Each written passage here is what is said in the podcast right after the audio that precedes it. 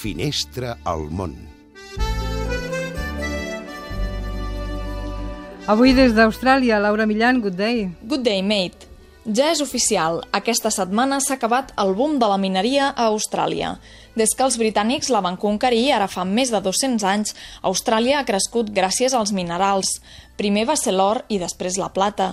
Fins aquesta setmana, les exportacions de carbó i níquel a la Xina havien salvat a Austràlia de patir la crisi econòmica però dimarts la borsa va caure de forma dramàtica.